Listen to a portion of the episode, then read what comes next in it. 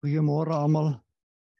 Dit lyk lyk lyk omtrent of die jakkals se gevang het hier onder ons gemeente.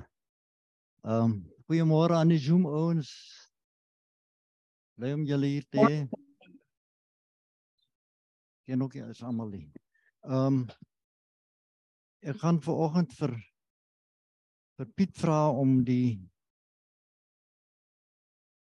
om ons te open met gebed. As hy net daar met die masjinerie uitgesorteer kom.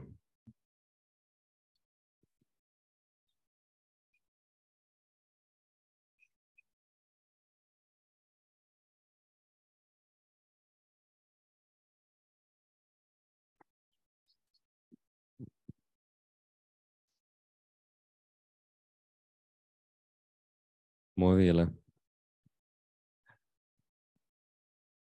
Ja, ek net baie dankie sê vir die oggend wat ons ver oggend hier kan wees. Jy weet dankie dat ons kan kom om om meer van U te leef, Here. Jy weet dat dat U die dag geskep het. Jy weet dat ons vandag nog 'n kans het om in U teenwoordigheid te loop. Heilige Gees, ek wil vir U vra dat dat U na elkeen toe van ons sal kom. Here, kom deur soek ons harte. Wys vir ons wat ons eie harte aangaan en lewe ons vandag die beginsels om waarlik in U woord te loop van maandag af, Here nie eintlik van maandag af nie van van nou af hier. En die woord wat wat Natasha gaan bring, jy weet dat ons hierdie woord sal hoor en kan verstaan. Jy weet dat u die naprediker sal wees van van wat hier vanoggend gaan gebeur, Here. Jy weet dat u in ons in ons teenwoordigheid sal inkom. Jy weet in elke plek in ons waar ons u blok, waar ons wegkwyn, waar ons jy weet in die event jy weet wil wegtrek van u af, Here. Jy weet kom help ons in daai plekke. Kom help ons in elke plek in onsself dat ons waarlik in U teenwoordigheid kan inkom, Here. Ewen dat ons in boldness in U teenwoordigheid kan inwees en daarin kan loop, Here. Sonder om ons eie insecurities en ons eie vlees ons weg te trek van U af, Here. Here, kom vul ons vandag en kom breek U woord oop in almal van ons, Here. Dankie daarvoor. Amen. Ehm um, ons sal bid na die tyd ek sal maar na die tyd aankondig wie vir wie wie vir watter land en vir wie bid. Ehm um, ons gaan nou maar met die lofprysing aan aangaan. Daai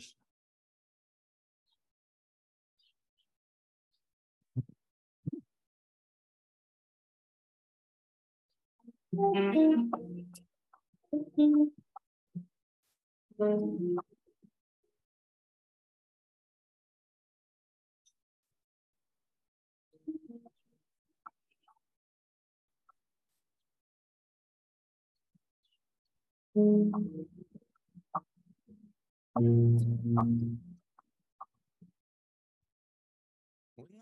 Dankie Hemelse Vader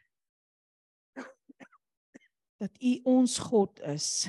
Here, dankie dat U U volk Israel uitverkies het. Here, dankie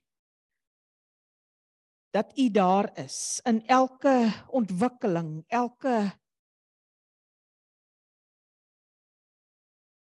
elke wonderwerk wat daar gebeur, Here. Dankie dat Israel die wêreld soveel kan leer. Vader, maak ons ontvanklik. Maak ons regering ontvanklik vir dit wat hulle ons graag wil leer. Here, ek bid, U weet wat daar aangaan, Vader, in Israel. U weet van al die turmoil en al die dinge. Ek bid, Vader, dat U U kinders wat uitgaan om U woord te verkondig, dat die oes wat sal inkom, want U sê U woord kom nie leeg na u toe terug nie.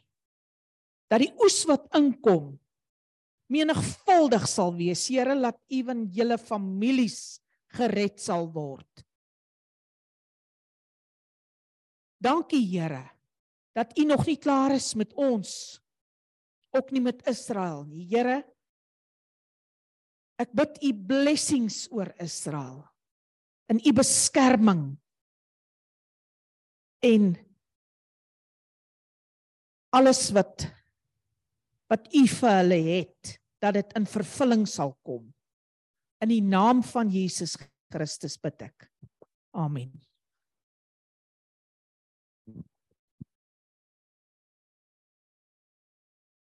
Here God, dankie dat ons hier voor U kan staan, Here, as Suid-Afrikaners, Here, dankie dat ons land aan U kan opdra, Here. Dankie dat ons vir U kan om verskoning vra, Here, vir hoe dit in ons land lyk, Here, dat ons kan repent vir die dinge wat hier gedoen word wat nie volgens U wil en wees is nie, Here, dat ons dat U vir ons genadig sal wees en dat ons ons land weer sal begin opbou, Here, soos wat U bestem het dat dit moet lyk, Here.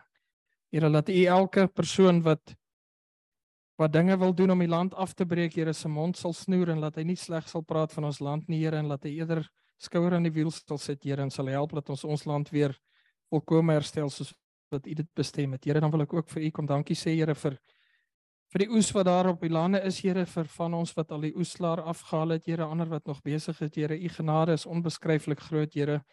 As ons die oes daar buite sien en hoe dit begin lyk het in die begin van die seisoen, Here, kan ons nie die twee bymekaar sit nie, maar U is onbeskryflik groot en U het ons geseën Here met U genade en die goedheid en guns Here en ons kom vra ook om ons weer verder te seën Here waar ons al klaar weer gaan begin met die nuwe voorbereidings Here en laat ons net ons oop U gefokus sal hou Here en nie sal luister na wat die nuus en mense sê oor El Niños en La Niñas en goed nie Here want U maak die reën. U maak die droogte en U gee vir ons uitkoms wat U ook al op ons pad bring. Ons vra dit alles neem dit vir die nuwe enkele leen om genade. Amen.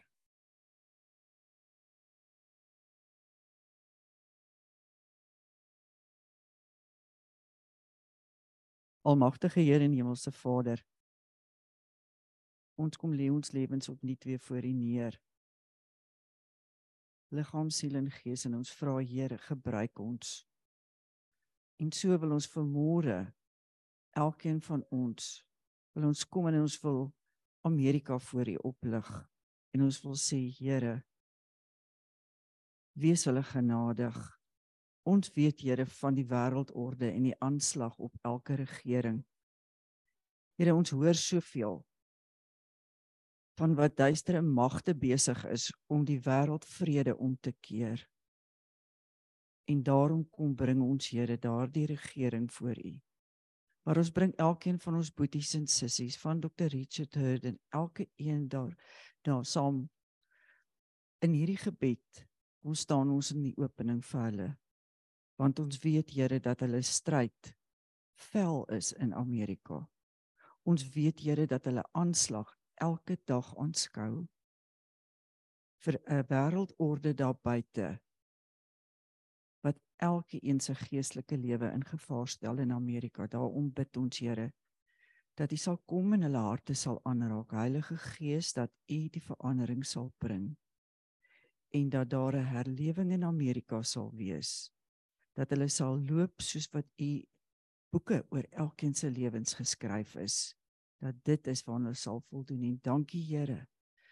Heilige Gees almagtige God dat ons in Efesiërs kan weet dat u elke owerste elke mag en elke krag wat daar mag wees dat u oorwin het en dat ons in hierdie oorwinning kan opstaan vandag vir Amerika. Ek bid dit in die naam van Jesus ons verlosser. Amen. Natasha sal vir ons die woord bring.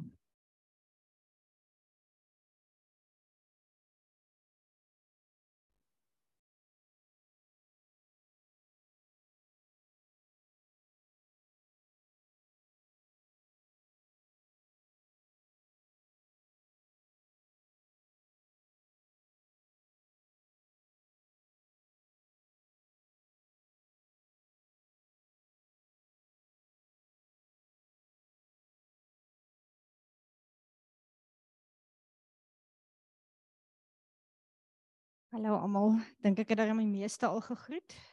Ehm um, ja, dit is altyd as ek het nou lanklaas hier voor gestaan. Ek moet nogal sê dit is dis 'n storie. Ek was 'n uh, kort afstande atleet gewees en ek moet sê elke keer wat jy op daai blokke gaan sak het, dan of wat jy wag om weg te spring, dan is 'n mens maar bietjie senuweeagtig. En ehm um, dis maar dieselfde met hier. Ek dink dit maak nie saak hoeveel keer jy dit doen nie, dit gebeur. En ek besef ook as 'n mens nie baie voorkom staan nie, dan deel 'n mens baie keer die woord wat die Here met jou deurgestap het die laaste tyd.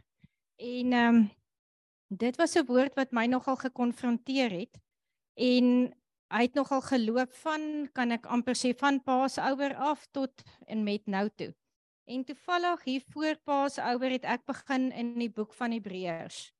En elke keer Hebreërs is vir my baie moeilike boek gewees. Baie keer as jy hom lees dan en veral in die begin dan maak hy nie sin nie. Dit klink net soos al hierdie klomp goeters, maar iewers het dit my begin konfronteer, veral oor Paasouer wat ons weet ons het reggemaak, ons goedheid ons harte uitgekry en al daai tipe goeters. En ek kom op 'n plek en daar waar hulle die offer wat Jesus die offer vir ons gebring het. En ek dis is of die Heilige Gees my sê, besef ons die koste wat dit Jesus gekos het en sy bloed. Betaal ek die prys. Het ek kosteberekening al gedoen? Want wat kos dit my? Ons het so baie wat hulle altyd sê ons praat uit ons ons het die kennis in ons koppe. Ons weet wat dit Jesus vir ons gedoen. Maar is dit in jou hart? want ek het toe 'n paar vrae vir myself begin vra. Ek het gesê, "Hoekom is dit soveel makliker om TV te kyk as om jou stilte tyd te hou? Hoekom is dit soveel makliker om daai ding wat die Heilige Gees al soveel keer vir jou gesê het, hou op daarmee? Hoekom hou 'n mens aan met dit? Wat maak ons met Jesus se bloed in daai plekke?" Die ander vraag wat dit my ook gevra het, Hoeveel gaan sit ons om regtig soos Jesus te begin lyk? Like? Want watse prys het ek betaal? En ek gaan sit en dink 'n bietjie in die Ou Testament, wat het gebeur? As daai mense gesondig het, het dit hulle iets gekos. Hulle moes 'n prys betaal het om 'n lammetjie te vat en oor Paasouer nie die ander offers nie, man Paasouer daai lammetjie vir 10 dae in hulle huis gebly. Nou ek is regtig baie lief vir diere. Ek dit sou vir my baie baie baie baie sleg gewees het in daai tyd. So daai lammetjie het jy verlief geraak want jy moet kyk is daar fout met daai lammetjie. En ek dink party dalk vir my naampie gegee. En dan moet jy nou daai ou lammetjie vat en hom gaan offer. Want dit is wat jou sonde jou gekos het. So hy het jou geld gekos, maar hy het jou iets anders ook gekos. Wat het dit my gekos? Net daai oomblik van salvation en nooit het 'n mens verder gaan dink aan daai nie mense in plekke waar daar vervolg is, gaan doen kosteberekening vir hulle Jesus volg, want hulle kan hulle lewens letterlik verloor. Het ons gaan kosteberekening doen, want hoe maklik is dit vir ons as ons sekere goed doen as Fransie byvoorbeeld vir ons sê ons bid nou elke Vrydag een keer 'n maand. Dan is dit 'n kwessie van jog, ek weet darem nie jong. Vrydag aande is daar nou ander goedjies wat ek wil doen. Watse prys is ons bereid om te betaal? So ek het nou gaan dink en bietjie stil geraak en gesê Here, ek is skuldig. Ons sê ons het nie tyd nie, maar as ons net nie lus nie. Hoekom het Jesus in die begin is 'n mens so opgewonde as jy net wedergebore is en jy wil alles doen. Ek onthou ek het net tyd saam met hom spandeer. As ek in die kar klim het ek net geestelike musiek gespeel. As ek 'n boek lees was dit net geestelike goed. Ek het amper niks anderster gekyk en gedoen nie. Maar waar daai liefde heen gegaan na 17 jaar? En dit was my konfrontasie. So ek het gaan sit en gedink, goed. Dalk moet ek bietjie mooi weer deur Jesus se lewe stap terwyl daai tyd voor die kruis. Dalk moet ek mooi gaan kyk wat het dit hom gekos? Want miskien begin dit iets in my hart weer verander. Miskien kom iets weer aan die lewe in my hart. En ehm um, ek dink dit is nodig vir ons almal om op 'n plek te kom om bietjie te gaan bestek opname doen want ek dink ons gaan baie goedkoop om met die bloed van Jesus. So wat ek toe nou gedoen het, ek het gaan ehm um, boeke kry van Jesus se laaste uur. In die laaste 14 ure. Wat vir my baie baie interessant is, want ek wil nou by twee konsepte eintlik op, op uitkom by die preek, maar ek gaan hom nou eers so 'n bietjie aanloop gee. Want alles gaan by mekaar uit aansluit ek vir julle wys. Ek het 'n boek in die hande gekry. Um ek dink Ariel Gate het hom nogal geshare ook op 'n stadium met ek nou net by notas is baie keer 'n bietjie te mekaar. Um die boek se naam waar het ek hom nou geskryf, maar dit is basies die laaste 14 ure van Jesus se tyd op aarde wat die ou toe gaan skryf het in 'n baie ehm um, maklike lees manier, maar wat vir my uitgestaan het. En ek's nog nie klaar met die boekie, maar wat vir my uitgestaan het is Petrus.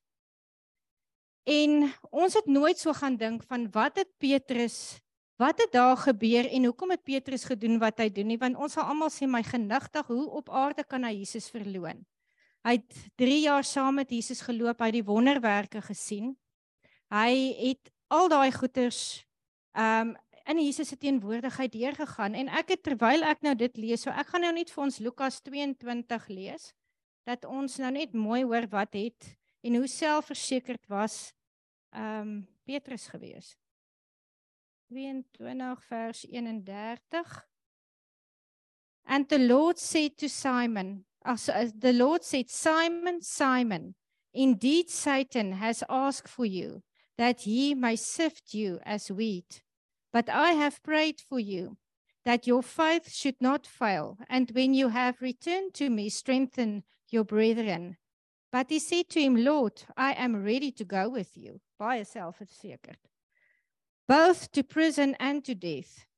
Then Jesus said to him, I will tell you, Peter, the rooster shall not crow this day before you will deny me three times that you know me.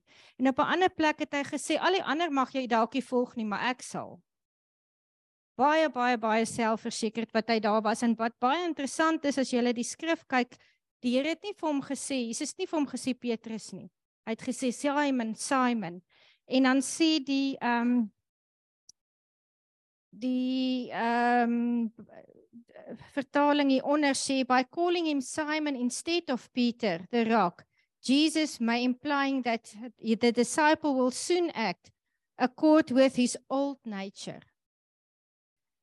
which is one of human weaknesses. Want hy het nie vir hom gesê Pieter wat klaar gesê het toe God Jesus gesê het, "Wie sê jy is ek?" Toe sê hy, "U is die seun van God." Toe sê hy op Pieter, "Op jou gaan ek my kerk bou." Jesus het nie dit vir hom gesê nie. So dit het vir my baie en dan die hele ding is Satan kom sy geloof toets want toe ek nou begin dink hier oor is daai wheat van hy kom sift wheat so hulle gaan basies die koring vat en hulle skif skud dit dat die die die kaf afkom. So daai word geskei. En dit is basies sy geloof wat getoets word. En as ons gaan kyk Petrus het saam met die Here geloop en ek dink nie hulle het baie trials and tribulations gehad nie. Dit was eintlik lekker want hulle het in Jesus se teenwoordigheid geleef. Maar nou kom dit nou vir die eerste keer gaan sy geloof regtig getoets word. Hoe gaan hy staan? So hou daai gedagte vas want ek kom daarby uit. Maar as ons 'n ander ding kyk, wat het Petrus in hom gehad? Hy was vol hoogmoed. Hy was selfversekerd. Hy was hy hy gedink hy's beter as die ander disippels want hy het gesê al val hulle. Moenie worry nie, ek gaan by u staan. Ek gaan daar bly van die dood af. Ek is saam met u. Petrus het gedink hy's sterk. So hy het nie geweet wat in sy hart wegkruip nie. Hy het nie geweet wat daar skuil nie want Jeremia 17 vers 9 sê the heart is deceitful above all else. So hy het gedink hy sterk. Daar's 'n ander skrif wat ook sê in Korintiërs, moenie dink jy sterk nie. Jy mag dalk val. Na my my weergawe daarvan. Nou vra ek, wat sal ons doen? Want hoe maklik is dit vir ons om te sê, weet jy, as ons hierso sit en hier kom nou mense met gewere in, sal ek baie maklik ook op ek sal weier om Jesus te deny. Of as hulle jou kind voor jou sit en sê deny Jesus of ek skiet jou kind. Waar gaan ons geloof wees? Gaan jou geloof sterk genoeg wees? Dan wil ek uitkom wat vir my ook uitgestaan het, is Jesus se struggle in Getsemane. Het ons geweet waar hy sy humanity aangeneem het, waar hy sy goddelikheid gelos het, het hy soos ons ook teen die vlees gestry en alles. Daar waar ons sê Ja, ek wil nou ek wil nie hierdie doen nie, maar ek doen dit in al daai goeders. Jesus wat hulle daarso sê en ek gaan na Luke 22 42 toe. And um Jesus said, "Father, if it is your will, take this cup away from me. Nevertheless, not your will, but yours be done." Then an angel appeared to him from heaven, strengthening him. And being in agony, he prayed more earnestly. Then his sweat became like great drops of blood falling down to the ground. En ons weet Jesus was the lamb slain before the foundation of the earth. So hy het geweet presies wat hy gaan deurgaan. En sy vlees het nog steeds daar gesit en gesê ek wil nie En wat het Jesus beleef daai oomblik in Getsemane? Het hy gesien hoe die sondes van al die mense op hom kom, al daai goeters, hy het gesien wat gaan gebeur vorentoe.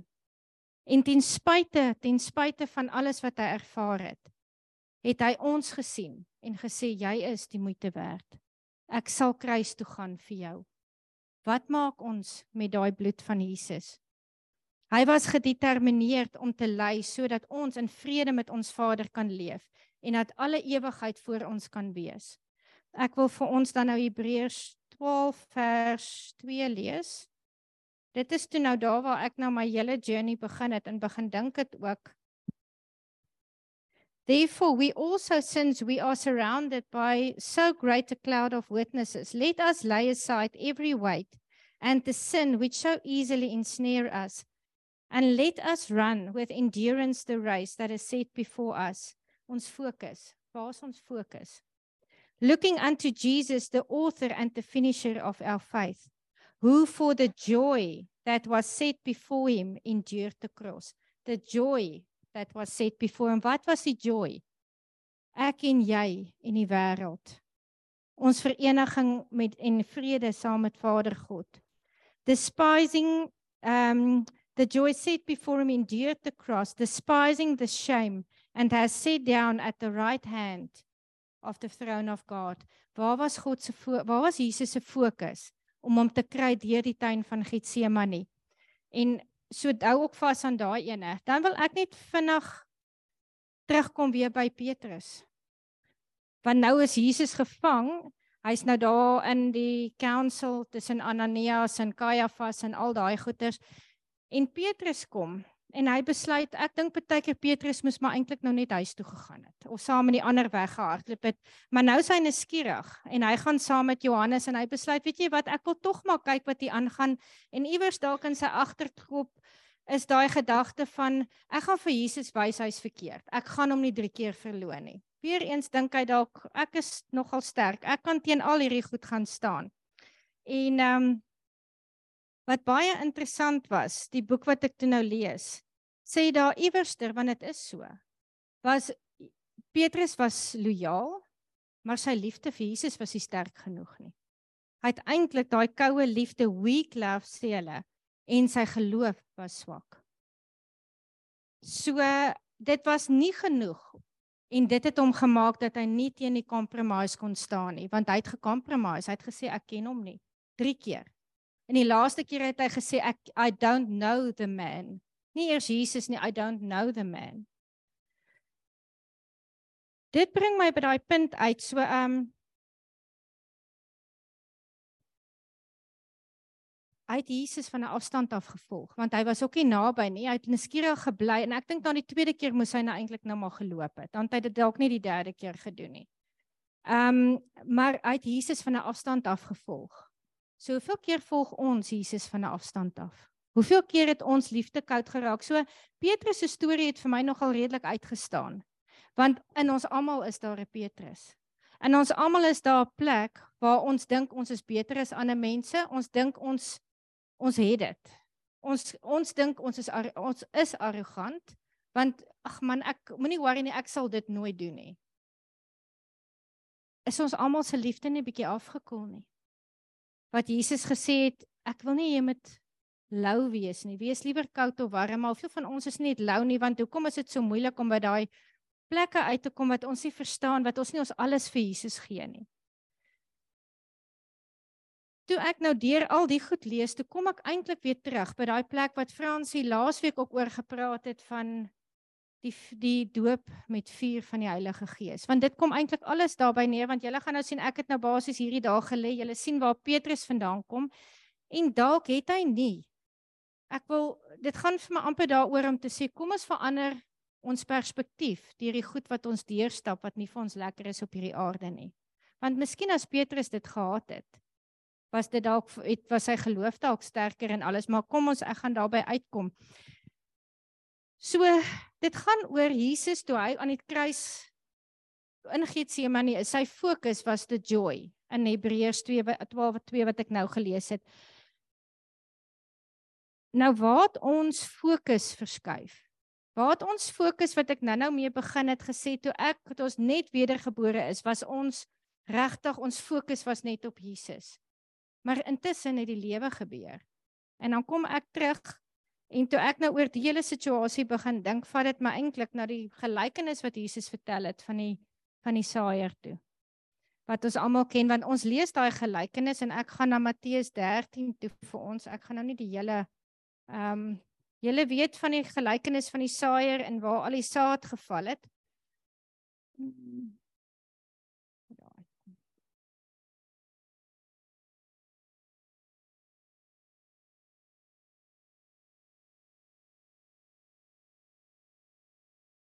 OK, so dit is daai saad wat ons sien.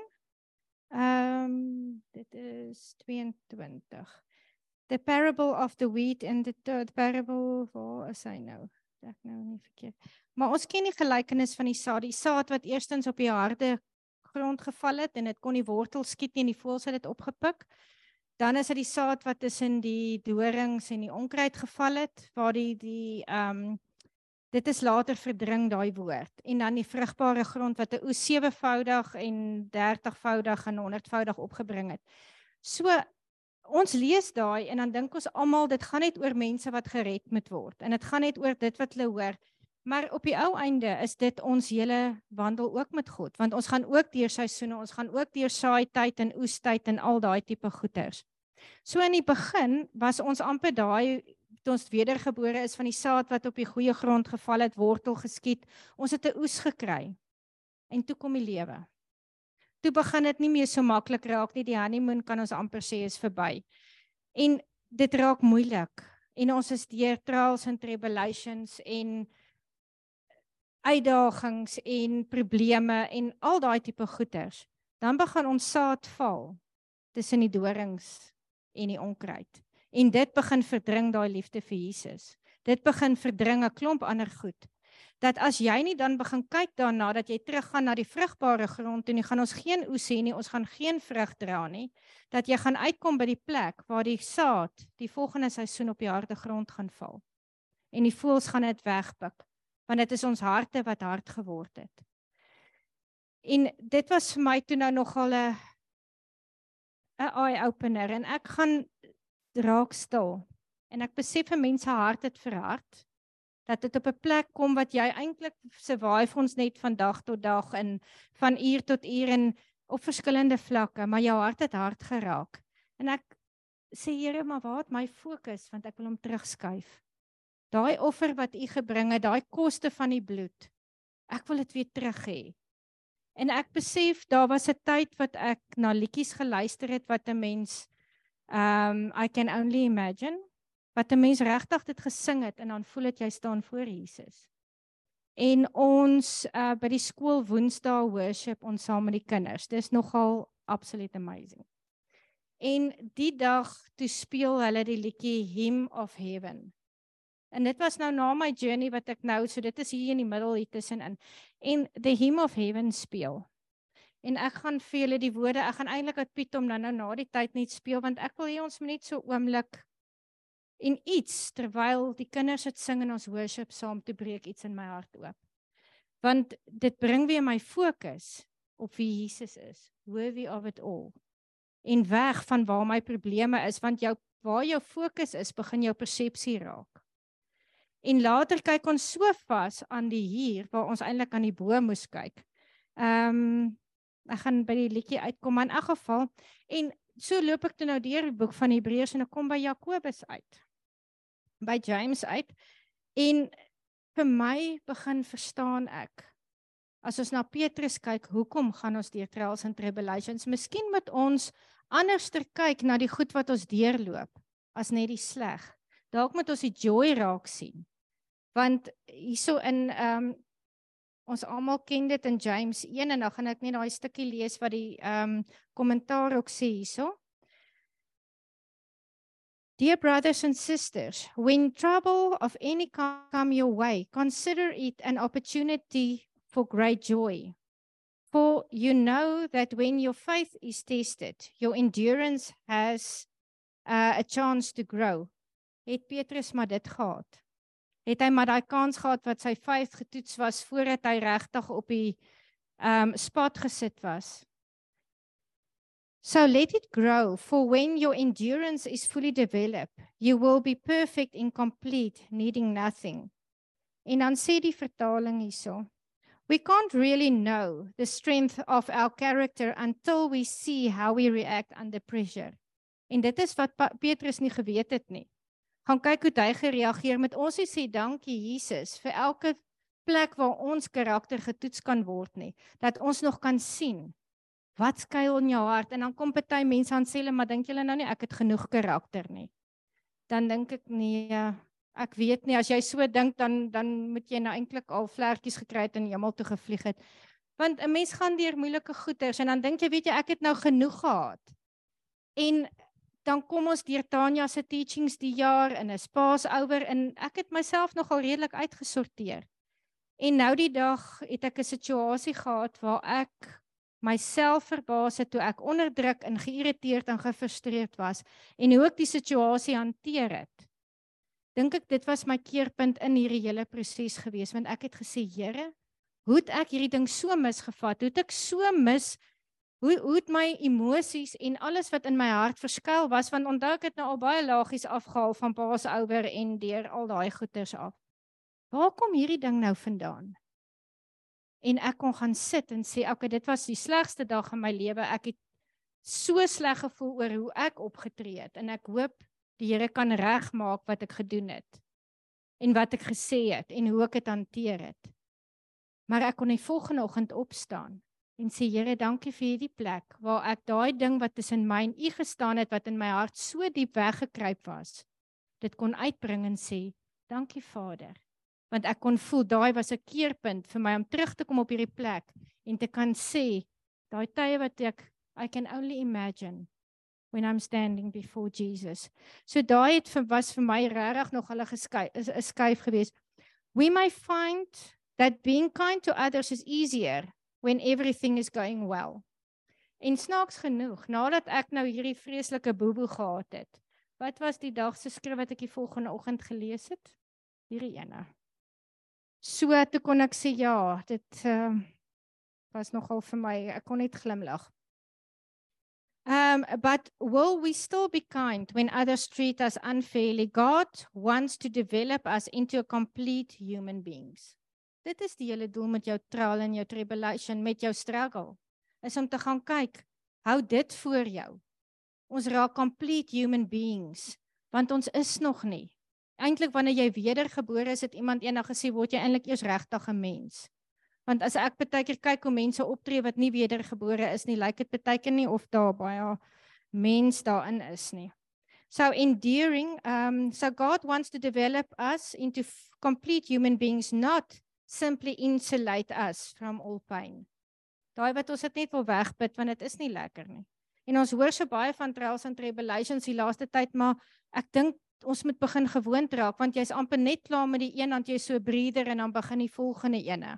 En dit is amper soos daai geboortepyne wat voor Jesus kom. Dalk is daar 'n doel met dit alles. Jy weet die kontraksies amper begin al hoe meer op mekaar volg.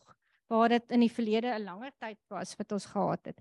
Enduring through trials generate a whole person. Dit was my nogal baie mooi geweest. Seasoned, experienced, well developed and fully trained. It gives us the life skills to see our blind spots and anticipate mistakes before we make them. So ek kan nou gaan sê dit wat ek daar gedoen het, daai dag ook daar opgetree het, ek wil dit regtig nooit weer doen nie. So ek weet in in daai dag het ek nogal agtergekom toe die situasie gebeur het, het ek nie gesê Heilige Gees, hoe moet ek dit hanteer nie. Ek het absoluut uit my vlees uit opgetree. Daai van om en ek het besef in die vervolg is dit die eerste plek waartoe gaan Heilige Gees help my, maak my sterk. It gives us the life uh, to anticipate your uh, instead of complaining about our struggles, we should see them as opportunities for growth. Ask God for wisdom to help you solve your problems or to give you the strength to endure them. Then be patient. God will not leave you alone with your problems. He will stay close and help you grow. Thank Him for walking beside you in rough times. So as ons nie soos Petrus wil wees, want wie weet, eendag gaan ons dalk op 'n plek staan waar ons by Petrus se plek uitkom. Wil jy nie eerder daar staan met jou geloof wat sterk is deur dit wat jy deurgeloop het nie? Wil jy nie eerder daar staan met die goed wat uit jou hart uit is wat jou kan maak dat jy compromise nie? As wat 'n mens klaan kerm en sê, weet jy, ek kan nou nie meer nie. Mens kom op daai punt, maar dan kan jy gaan sê, Here, U is langs my. Dankie dat U my nooit los nie. Gee my die krag, maar wys my wat is in my hart.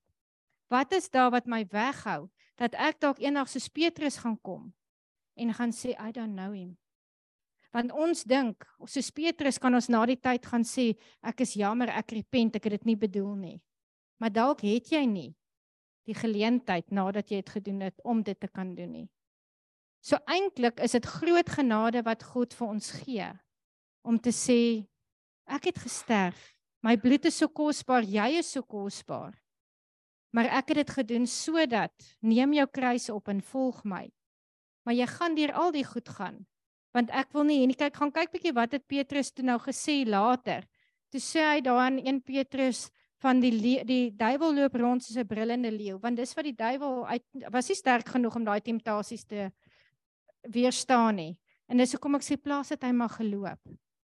Ehm um, dan het hy dalk nie Jesus drie keer verloon nie. Maar later kon hy daar darem goed uitgekom wat hy kon sê, weerstaan die duiwel. Hy loop rond so 'n brullende leeu. Ehm um, maar dis daai geloof wat groei en jou karakter wat sterk word en daai wat ons meer soos Jesus is. So dit was my nogal 'n journey geweest. Dis nie 'n maklike woord nie, maar dit is daai om te sê Wat is my prys? Wat is die koste wat ek betaal vir Jesus se bloed? Want die prys wat ek betaal is maar die trials wat ons deurgaan, maar hoe gaan ek deur dit? Maar wat is die prys? Dis verstaan ek die koste. En ek gaan nou af dit afsluit. Ek gaan net Piet vir ons daai liedjie speel. Net om ons terug te kry van jou fokus. Dit is him of heaven. En dit is om op daai plek te kom waar jy voor Jesus en by hom is en wat daai dag in die prys wat hy vir ons betaal het. So ek dink het jy hom Piet. Ja, ek dink speel hom vir ons en dan wie doen die verbondsmaal? dan kan van nie vir ons die verbondsmaal doen.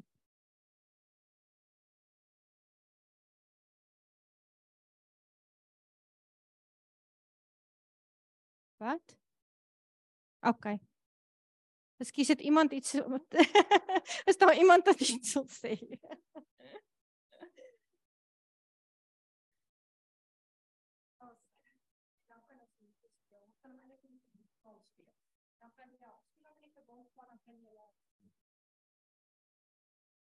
Ek het soos met Natasha praat, jy weet, ehm um, ek ek nie die Here my in 'n in 'n paar goed in in Petrus se lewe fascineer my verskriklik.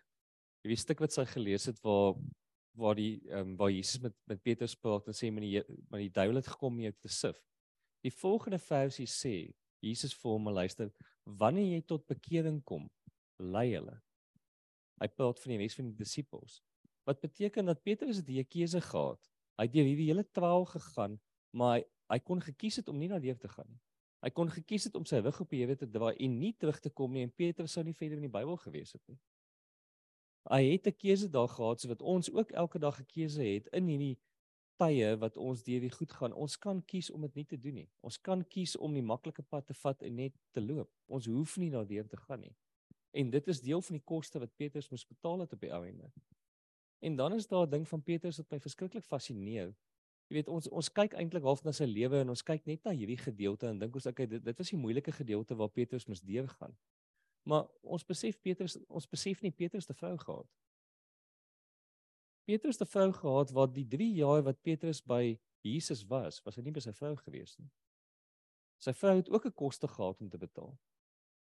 Jy weet, sy het ook die ding gaan en aanvanklik die eerste maand was dit seker lekker geweest, jy weet hulle wat jy weet hulle was seker opgewonde, hulle die Messias ontdek en jy weet sy vrou het hom gestuur en gesê, "Maar luister, gaan jy weet, gaan saam met hom." Jy weet en dan 2 maande later, 3 maande later, 3 jaar later en dan daarna nadat Jesus opgestaan het, was Petrus in Jerusalem gewees. Ons lees nooit weer dat hy huis toe is nie. Ons lees nooit weer in inteendeel daar waar hulle in die bokkamer gewag het, sy vrou was nie daar gewees nie. Jy weet en dan jy weet 'n ander ding met Jesus se opstanding. Het Jesus met jy weet met met die disippels gaan gesels en hy praat pertinent met Petrus en hy verduidelik vir Petrus presies hoe hy gaan doodgaan. En Petrus verstaan die prys wat hy gaan betaal in terme van sy lewe om Jesus te volg. En dieselfde ding gebeur met Paulus. Toe Paulus tot bekering kom, die eerste ding wat met hom gebeur het is die Here het vir hom presies gewys die prys wat hy gaan moet betaal om Paulus te kan wees waarvan ons lees in die Bybel. En hy moes eers besluit het maar luister, ek gaan dit doen of ek gaan dit nie doen nie.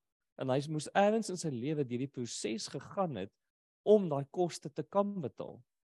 Jy weet ons lees so maklik van Paulus en ons dink jy weet dit was net maklik vir hom gewees. Maar hy en Petrus albei is van die begin af gesê luister, hierdie is die prys wat jy gaan betaal.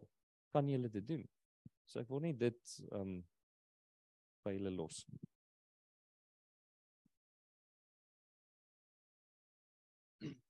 Ja, ek het so 'n tydjie terug het ek 'n boek gelees wat nou ook Tweede Wêreldoorlog storie.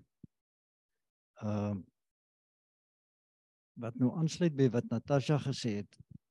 Die pastoor in Poland in Pole toe toe die nasies nou daar inval. Toe sien sy kinders is toe ooggetuies van 'n van 'n ding wat die nasies daar gepleeg het en wat erge moeilikheid vir die persoon kon kon veroorsaak. Kry hulle nie die kinders uit te vang hulle die pa. En sit hom in tronk vir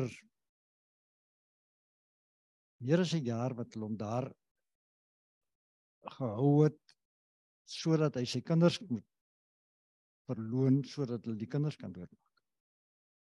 Want toe hulle die catch 22 maak hulle hom dood kry hulle nie die kinders nie. En hy wil nie sê waar sy kinders is. So hy het daai keuse en hy hy Dis eintlik awesome geweest die elke dag in in in afsondering wat hy in die tronk gesit het en elke dag gemerk het en elke dag sy gebed wat hy gebid het vir sy kinders se redding. Hy het nie omgegee oor sy eie lewe. Ehm um, wat my laat wonder het hoe hoe sou ek optree in dieselfde selfde situasie. So ja, dit het my gekonfronteer, dankie. Fanie.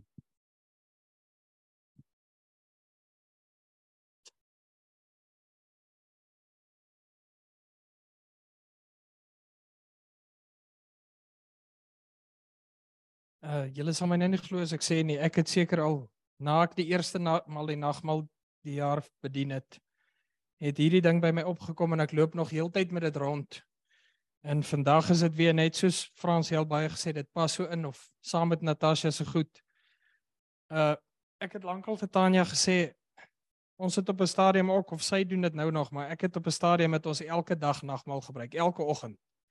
En ek het vir op 'n stadium gesê vir my as persoon voel dit vir my of ek besig is om dit goedkoop te maak want dit dit voel vir my dit word vir my 'n gewoonte nie nie laat ek sê as jy dit elke dag doen nie maar vir my persoonlik het dit so gevoel en toe het ek vir haar gesê dit voel vir my 'n mens met mooi ek meen in die in die NG Kerk het laar daarop gedruk en dis hoekom hulle nie die kinders wou dat nagmaal of deel van dit wou hulle nie die kinders laat nagmaal gebruik nie omdat hulle gesê het die kind jy weet hy hy hy weet nog nie regtig waaroor dit gaan nie.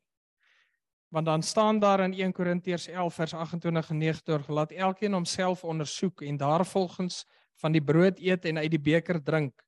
Want die een wat eet en drink sonder om die liggaam van die Here daarin te onderskei is besig om 'n oordeel oor homself te eet en te drink. As jy met jou sondes na die Here Jesus gaan in gebed en sy vergifnis te vra en glo dat hy jou sondes vir jou sondes gesterf het, is jy welkom om te eet en te neem en te drink. Die tekens wat Jesus vir ons gegee het om jou geloof dat hy jou sondes vergewe het te versterk en dat hy by jou en in jou lewe met sy gees is om jou daagliks te lei en te versterk. En dan sien nog 1 Korintiërs 11 vers 8 oor maar die mens moet homself beproef en so en so van die brood eet en uit die beker drink. Daardie woorde leer ons dat ons nie sommer so aan die nagmaaltafel mag gaan nie. Ons moet onsself eers ondersoek. Wie dit nie doen nie, eet en drink op 'n onwaardige wyse en sal skuldig wees aan die liggaam van die bloed van Jesus. Dit is maar net wat ek voel want ek het vir Tanya ook gesê, jy weet 'n mens is 'n mens kyk altyd na die groot sondes. OK, ek het nie die week so gevloek nie of ek het nie die week so gedoen nie, maar dan kom my Sondag hierso en jy weet jy het nie 'n iets is tussen sê nou maar my en Natasha. En ek meen, dit is nie dit staan in die Bybel ook jy maak die bloed van Jesus goedkoop. As jy nie so 'n klein dingetjie kan oplos voor jy die belangrike ding wat Jesus vir jou gesterf het, dan dan moet jy eerder die nagmaal los daai dag en gaan maak reg en vra die Here vergifnis en laat hy jou help om jou sondes reg te maak en dan gebruik jy weer die nagmaal as wat jy 'n oordeel oor jouself bring. So ek wil nie sê kinders mag nie nagmaal gebruik nie, maar ek dink net dis dis die ouers se verantwoordelikheid om jou kind bitter mooi te laat besef wat is nagmaal, hoekom gebruik jy dit?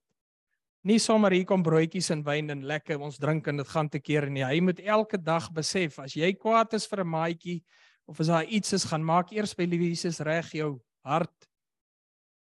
En dan doen jy dit, want daar is 'n dis 'n dis 'n groot genade wat die Here vir ons gegee het die nagmaal. Maar as jy dit nie reg gebruik nie, bring jy 'n oordeel oor jouself en dis ook 'n verskriklike ernstige ding. Here God, dankie dat ons hier voor U kan staan. Here, dankie dat ons vir u kan kom om vergifnis vra Here vir die dinge in u woord wat ons nie die erns van dit besef nie Here. Nie net die nagmaal die Here baie dinge wat u vir ons gegee het en wat u vir ons wys hoe om te doen Here. Soos Natasha ook gesê het dinge wat ons hanteer en dan agterna kan jy nie dink waar het ek die bus misgesit nie Here? Want dis regtig nie hoe ek dit moet doen nie maar laat ons die die genade van U kan ontvang, Here, om te kan teruggaan na U toe en kan sê ek is jammer, Here, help my om nie weer hierdie foute te maak nie, Here, en om die dinge te hanteer soos wat U wil hê ons moet doen, Here. Ons vra dit, Here, dat U ons genadig sal wees en ons dankie vir U goeie goeie liefde, Here, en vir U onvoorwaardelike liefde. Amen. Dankie aan Natasha, ek dink dit iets voor ons neergesit en Fanny ook. Ek het nog baie lank lank so gekonfronteer geword gevoel met 'n klomp goed in my eie lewe. Ons kan net die Here dank vir sy genade. En uh ons gaan afsluit met die met die seën en dan met julle almal 'n uh, wonderlike Sondag verder hê. Dankie.